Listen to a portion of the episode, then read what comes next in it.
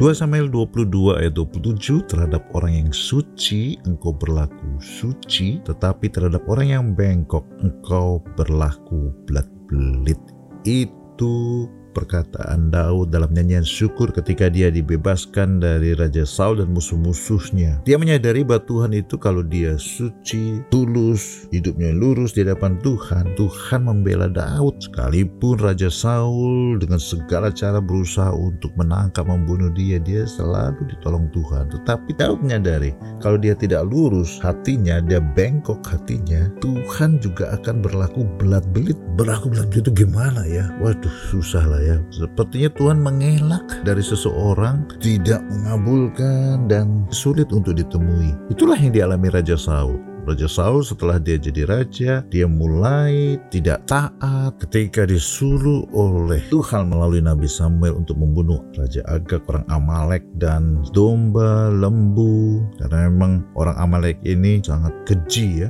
Tapi Raja Saul tidak melakukannya dengan alasan ya ini nanti mau dipersembahkan kepada Tuhan. Raja Saul yang belak-belak begitu ya Tuhan juga akhirnya berbelat-belit. Tuhan menjauhkan diri dari dia dan tanpa Tuhan Raja Saul menuju kebinasaan. Tulus di hadapan Tuhan dan semuanya pasti akan menjadi baik. Amin.